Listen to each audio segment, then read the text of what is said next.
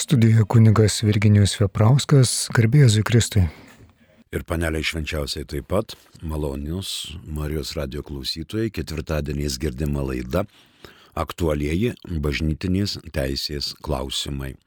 O mes einame prie, prie 1296 kanono, kuris telpa skiltyje sutartys, ypač perleidimas. Taigi 1296. Bažnytinės gerybės buvo perleistos be būtinų kanoninių formalumų, tačiau civiliškai perleidimas galioja, kompetentingai valdžiai priklauso nustatyti, viską atidžiai apsvarščius, ar reikia ieškinio ir kokį ieškinį, asmeninį ar daiktinį pateikti, kas ir prieš ką jį turi teikti, kad būtų apgintos bažnyčios teisės. Taigi 1296 aptaria situaciją, kai civilinėje teisėje tas perleidimo sandoris galioja. Pirmoji mintis. Čia apibrėžiami uždaviniai bažnyčios kompetentingai valdžiai dėl įvykusio perleidimo, be bažnytinės teisės reikalaujamų procesų arba formalumų. Bet, kaip minėjau, galiojant civilinėje teisėje kompetentinga valdžia, atsižvelgdama į aplinkybės, priima sprendimą dėl galimo skundo atitaisyti žalą padarytą bažnytinėje, turtinėje plotmėje. Dėl galimo skundo. Galbūt ir nereikia kelti ieškinio o gal ir reikia. Ta priima bažnytinė kompetentinga valdžia, kuri turi teisę išduoti leidimą dėl bažnytinės alienacijos. Jei keliamas ieškinys asmeniui, tai yra žalos atitaisymui. Jei keliamas ieškinys bažnytiniai institucijai, pavyzdžiui, parapijai, dekanatui, vienuolyjei, tai kalbama apie turto arba daiktų gražinimą. Kam adresuojamas skundas? Skundas arba ieškinys adresuojamas bažnytiniam tribunolui pagal kompetenciją, kurio teritorijoje yra įvykęs toksai sandoris. Dargi žiūrima, kompetentinga valdžia žiūri, galbūt galima sanuoti šį sandorį, nebūtinai taikyti bausmę nors 1983 m. kanonų teisės kodeksas nenumato tokios sanacijos galimybės. Kodeksas teisiniai nuostatai sanacijos nenumato, nors teismas gali priimti ir kitą sprendimą. Antroji mintis prie 1296. E, čia kanonas pasisako dėl negaliojimo, negaliojančio perleidimo. Jeigu perleidimas įvyko civilinėje teisėje galioja, o bažnytiniai plotmiai negalioja. Bet šitame kanone nėra kalbama dėl negaliojančios teisinės veikos iki sandorio sudarimo. mums gali ateiti į pagalbą 124 kanonas. 124 kanonas turi du paragrafus. Pirmas. Juridinio akto galiojimui reikalaujama, kad jis būtų atliktas tinkamo asmens ir kad jame būtų visa tai, kas iš, mes, iš esmės sudaro patį aktą. Taip pat formalumai ir reikalavimai teisės nustatyti, kad aktas galiotų. Antrasis paragrafas juridinis aktas tinkamai atliktas pagal jo išorinius elementus prezumuojamas galiojančiu. Tai jeigu viskas tvarkoj, reiškia galioja, jeigu gauti įgaliojimai veikti. Taigi, kaip minėjau, čia dėl negaliojančio perleidimo, o ne dėl asmens veiksnumo ar atitikimo kitų sąlygų. Pagal 124 tik ką mūsų girdėta reikalaujama, kad veikla, veika būtų atlikta veiksnaus asmens, tinkamo asmens. Na, galima dar žvilgterėti ir į kitus 125, 26 ir 27. 25.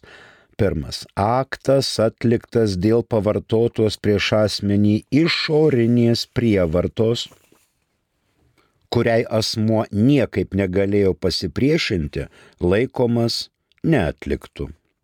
Antras aktas atliktas dėl neteisėtai sukeltos didelės baimės ar apgaulės galioja, jeigu teisės nėra nustatyta kitaip.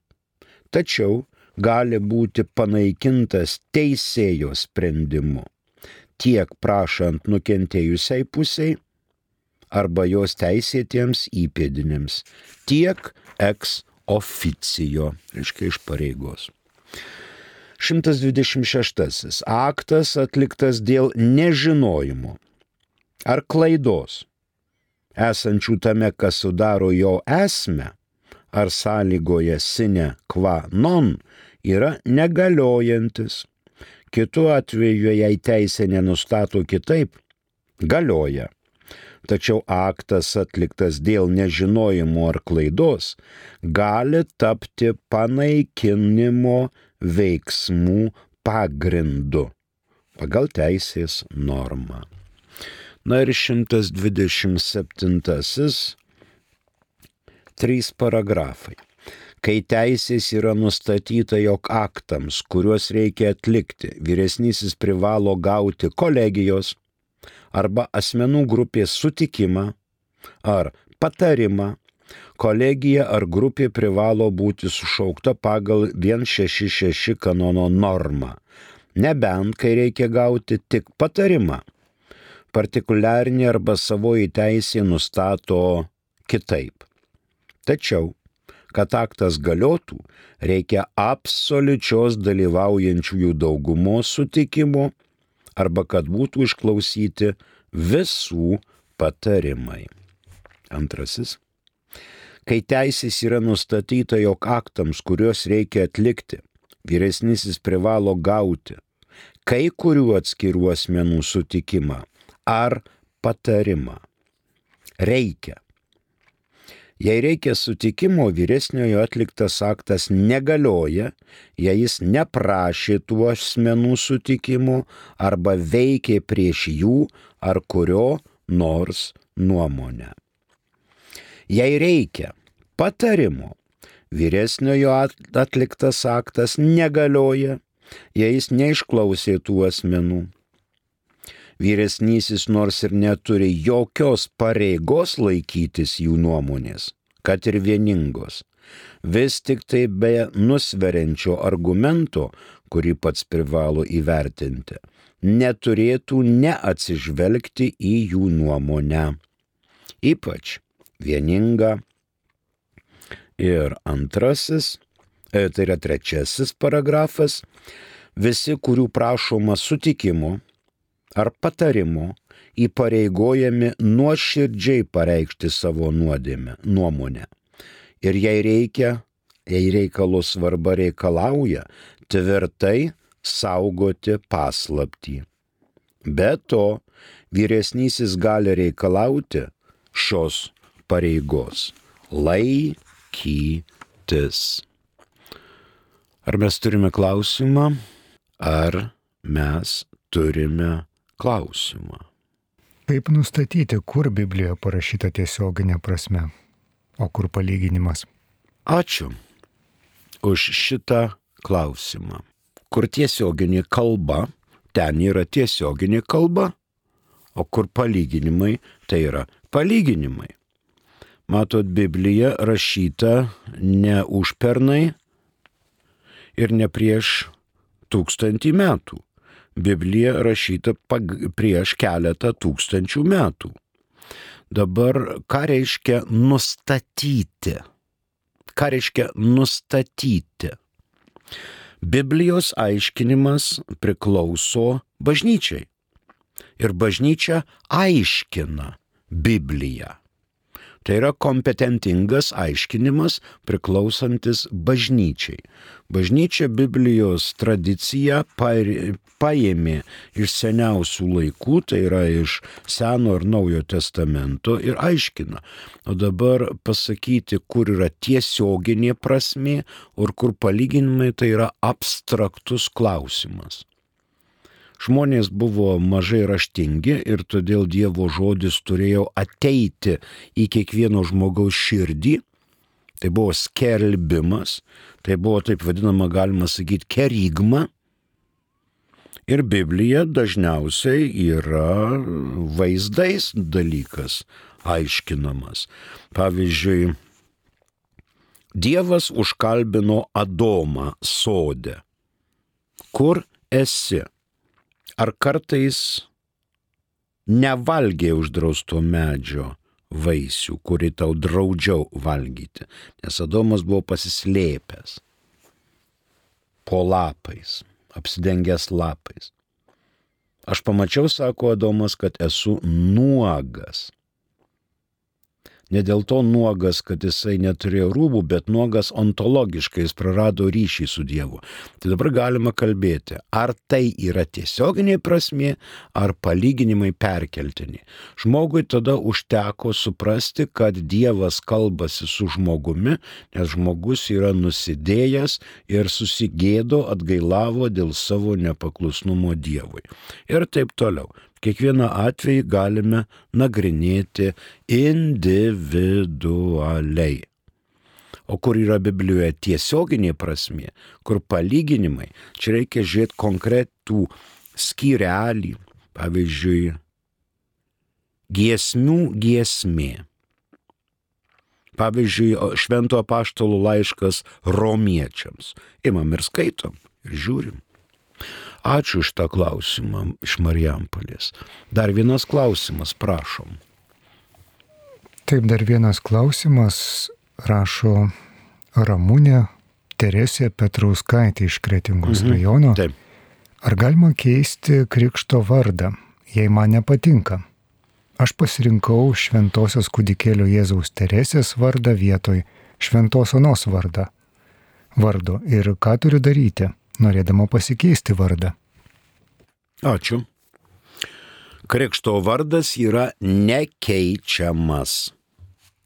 Jis paprasčiausiai yra, nes jį mums suteikė tėvai. Ne mes jį pasirenkame. E, kūdikiui suteikiamas vardas iš tėvų pusės. Tėvai priima sprendimą. O kai užaugame, mums nepatinka mūsų vardas, mūsų gal, nepatinka mums mūsų pavardė, galime keisti. Galime sakyti, mano krikšto metrikuose parašytas šis vardas. Bet man jisai nepatinka.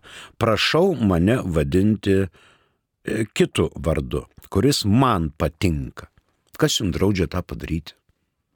Keiskit vardą, prašykit draugų, giminių, kad vardintų jūs kitų vardu, nei kad parašyta krikšto metrikuose. Bet krikšto metrikuose tegul būna tas vardas, kuriuo esate pakrikštyta. Matot, čia vėl eilinis paradoksas. Dievas prieš Adomą išreikiavo visą gyvūniją ir sako, dabar tu duok jiems visiems vardus. Ir kaip Adomas jas pavardino, toks buvo jų vardas. Dabar galima klausti, senesnis yra dramblys ar senesnis yra žmogus? Aišku, kad senesnis yra dramblys, bet dramblys nedavė vardo Adomui, o Adomas davė drambliui vardą. Ir toks yra jo vardas po šiai dienai. Jis yra pas mus dramblys. Pas kitus ten koks elefant ar dar kaip nors. O žmogus savo vaikams teikia vardą pats, jis pasirenka. Tiek mama, tiek tėtis. Būna sutarimo reikalas, kad tėvas sako, jeigu gims sūnus, aš jį pavadinsiu taip. O jeigu gims duktė, tu brangioji pavadink jį šitaip, kaip tu nori, pagal tavo norą. Tai vad mums yra pasirinkimas nulinis, kadangi mus jau pavadino. O jeigu mums nepatinka, mes galime jį pasikeisti. Bet krikšto metrikuose vardas yra nekeičiamas, jis yra suteiktas ir prie metrikų yra pasirašoma vieno iš tėvų arba krikštatėvių, kad jie sutinka su, tos, su tais vardais, su pavardėm, su gimimo datais, jie pateikia šias žinias kunigui ir kunigas savo parašu tai patvirtina, kad jis priėmė šio kūdikio vardą, pavardę, gimimo metus ir ten jokie taisymai negalimi tai jau yra ir duotybė. Vieto šventos onos vardu galit vadinti save Teresę, Teresėlę, kas čia jums trukdo. Dabar čia šitie 125-127 kanonas, kuriuos ką tik girdėjote, iliustruoja mums 1296. Dar yra neteisėtas perleidimas jei pagal bažnytinę teisę šitas perleidimas yra neteisėtas, tai yra nusikaltimas prieš bažnytinę valdžią ir prieš bažnytinę laisvę. Mums į pagalbą gali ateiti 1377 kanonas. Tas kuris be nustatyto leidimo perleidžia bažnytinės gerybės, turi būti baudžiamas teisinga bausme. Tai yra prieš bažnyčios kanonus. Čia šitas 1296 tik dėl perleidimo gerybių priklausančių bažnyčiai be leidimo. Dėl neleistinumo arba neleistinumo yra 1293-1294, apie kurį kalbėjome, o dėl negaliojimo perleidimo atveju 1291-1292. 1917 m. kanonų teisės kodekse buvo 237, kuris kirto ekskomuniką dėl būtent turto perleidimo be leidimo, be kompetentingos bažnytinės valdžios reikalaujamo leidimo, ypatingai iš apaštalų sosto pusės.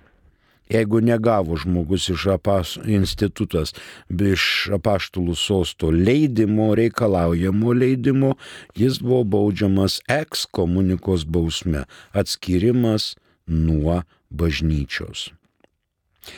Kitais atvejais buvo uždedamos tik tai kitos bausmės, bet ne ekskomunika. Ne visi civilinės teisės subjektai pripažįsta bažnytinės teisės reikalavimus šaliai dėl perleidimo ir neatsižvelgia į tai, ko reikalauja bažnytinė teisė.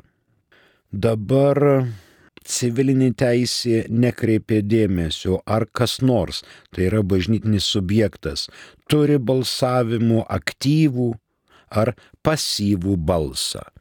Jeigu pristato savo įgaliojimus bažnytinis subjektas ar fizinis asmuo ar juridinis asmuo, civilinė teisė su juo gali eiti į sandorį.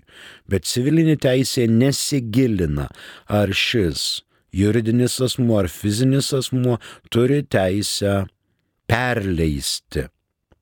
Ne visi civilinės teisės subjektai pasaulyje kreipia į tai dėmesį. Na tai 1296 pasiaiškintas, rytų kanonuose tai yra 1040 kanonas. Ar mes turime klausimų? Na, jeigu atsiras klausimų, manyčiau, mes juos ir išgirsime. Fiksuojame 1296. Jei bažnytinės gerybės buvo perleistos be būtinų kanoninių formalumų, tačiau civiliškai perleidimas galioja, kompetentingai valdžiai priklauso nustatyti, viską atidžiai apsvarščius, ar reikia ieškinio. Ir kokį ieškinį - asmeninį ar daiktinį pateikti. Kas ir prieš ką jį turi teikti, kad būtų apgintos bažnyčios teisės.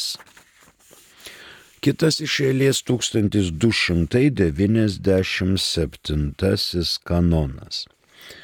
Vyskupų konferencijai priklauso, atsižvelgiant į vietos sąlygas, nustatyti normas dėl bažnytinių gerybių nuomos, ypač dėl gautinio kompetentingos, gautino kompetentingos bažnytinės valdžios leidimo.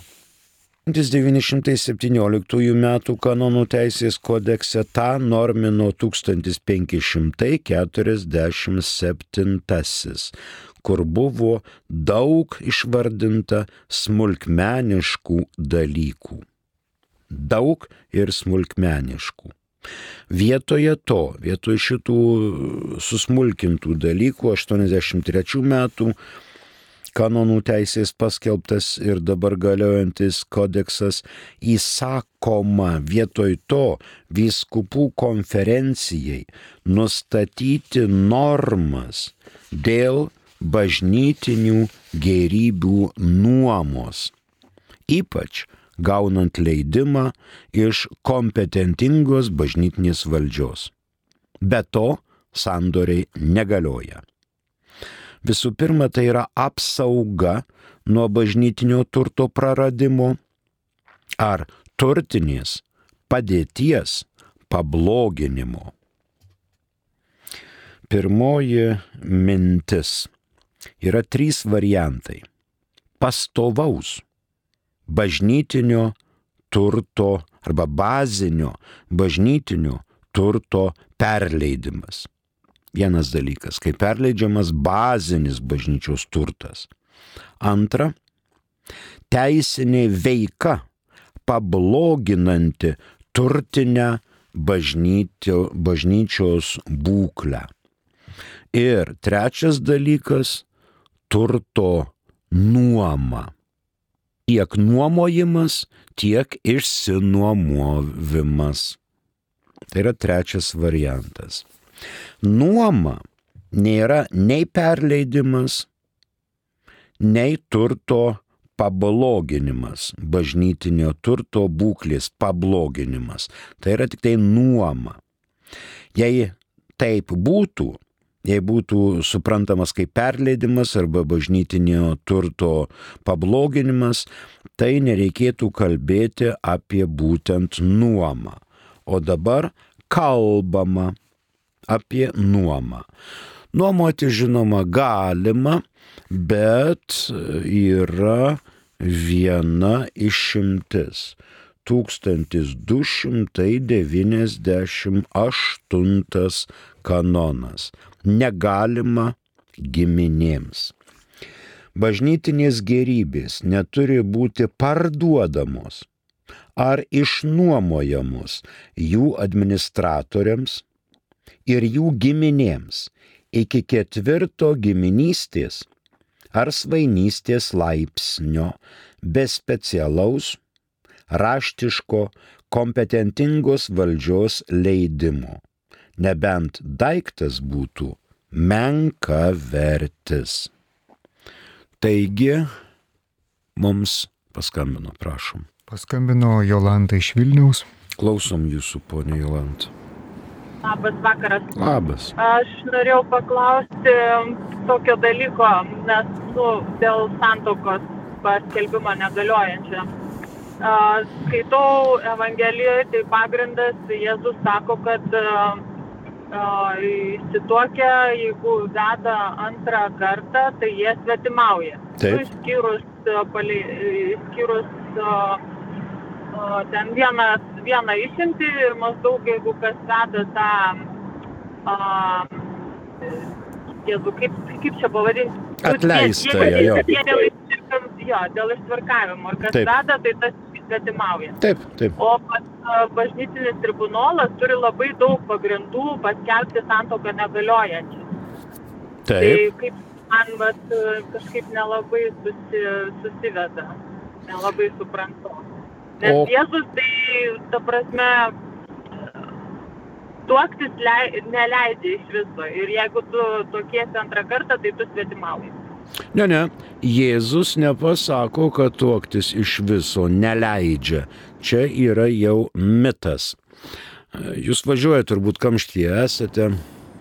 E, paba... nu, taip, klausau radio ir mhm. įdėmiai klausau. O, kaip malonu, kad dar yra kas įdėmiai klauso. Dabar e, prisiminant Jėzaus žodžius, tai Jėzus pasakė tik tai vieną jūsų nurodytą priežastį eksplicite, kad galima atleisti žmoną iš svetimavimo atveju. Prašau, atleidžiat žmoną. Ir ką po to darote? Po to lygtai ir nevedate.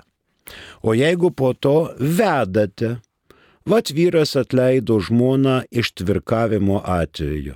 Eik šalin nuo manęs pas tą, su kuriuo tu ten, reiškia, gyvenai. Eik iš čia. Pagyvens tas vyras išstumęs žmoną mėnesį, pusmetį ir pradės dairytis jau kitos moters. Ir tai bus kita santoka. Dabar popiežius paskelbė kanonų teisės kodeksą ir paskelbė, kad reikia vadovautis bažnytiniuose teismuose teisėjams pagal savo sąžinę ir bažnyčios mokslą. Bažnyčioje sakoma aiškiai, kad tarp dviejų pakrikštytųjų santoka yra sakramentas. O paaiškėja, kad viena šalis krikštyta, kita nekrikštyta. Jeigu nugyveno gyvenimą laimingai šimtas metų, viskas tvarkoj. Bet jeigu tokia santuoka iširo ir yra įrodoma, kad viena šalis yra nekrikštyta, dokumentinis principas ir procesas ir paleidžiama santuoka. Toliau. apgaulė, melas, pagrobimai ir visa kita, visa kita. Amžiaus trūkumas.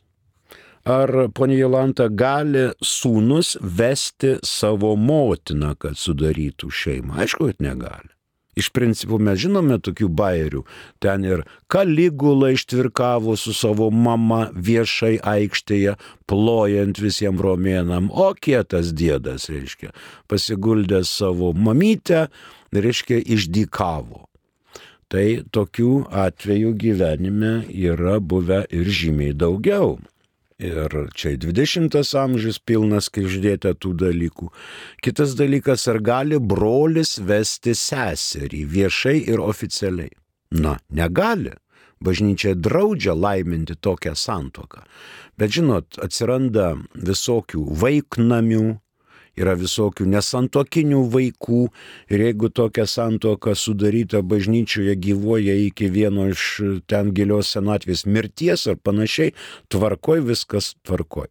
Bet jeigu gyvenimo bėgėje išyra ir atliekus, atlikus tyrimuką, pasirodo, kad tai buvo brolis ir sesuo, Viskas dokumentinis procesas, giminystės ryšys įrodytas, mm, biologinis tėvystės nustatymas paimamas ten trampampam ir tralelė, dokumentinis procesas ir tokia santoka išardoma.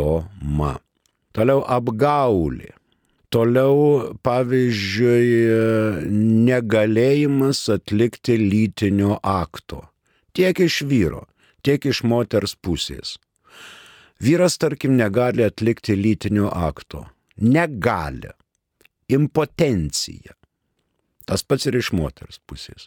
Tai kam tą moterį kankinti, jinai pasivarto, pasivarto, reiškia mėnesį kitą nu, ir nusispjauna, jinai nori vaikų, o vyras negali. Tas pats ir su moterimi. Jeigu vyras turi potenciją, o moteris yra mm, impotentė, dėl įvairių priežasčių negali atlikti lytinių aktų. Bažnyčia naikina tokią santoką. Ir taip toliau, ponė Jolanta, ir taip panašiai. Taip, kad gyvenimas rodo, kad bažnyčia nelabai daug kuo skiriasi nuo Dievo. Ir bažnyčios galva popiežius išleido kanonų teisės kodeksą, kurį čia nagrinėjome apie santokinę teisę, kas kaip ir po kam. Jeigu yra įrodoma, kad kažkokie dalykai vyko, nuslėpta, pavyzdžiui, psichinė lyga, kuri santokos teikmėje išryškėjo. Jis ten pirdolino visokius psichotropikus, jis atrodė, reiškia, kavalierius fainas, linksmas, mandagus, po pusės metų sužavėjo kokią nors merginą, o po to po santokos pasirodė, kad jis savo jam ryja tabletės ir jam laikas nuo laiko reikia pabūti, pagulėti stacionarę psichiatriniai, nu tai žmona tada pasižiūri galvoja, kam man čia iš tokio gimdyti vaikus ir aš einu savo.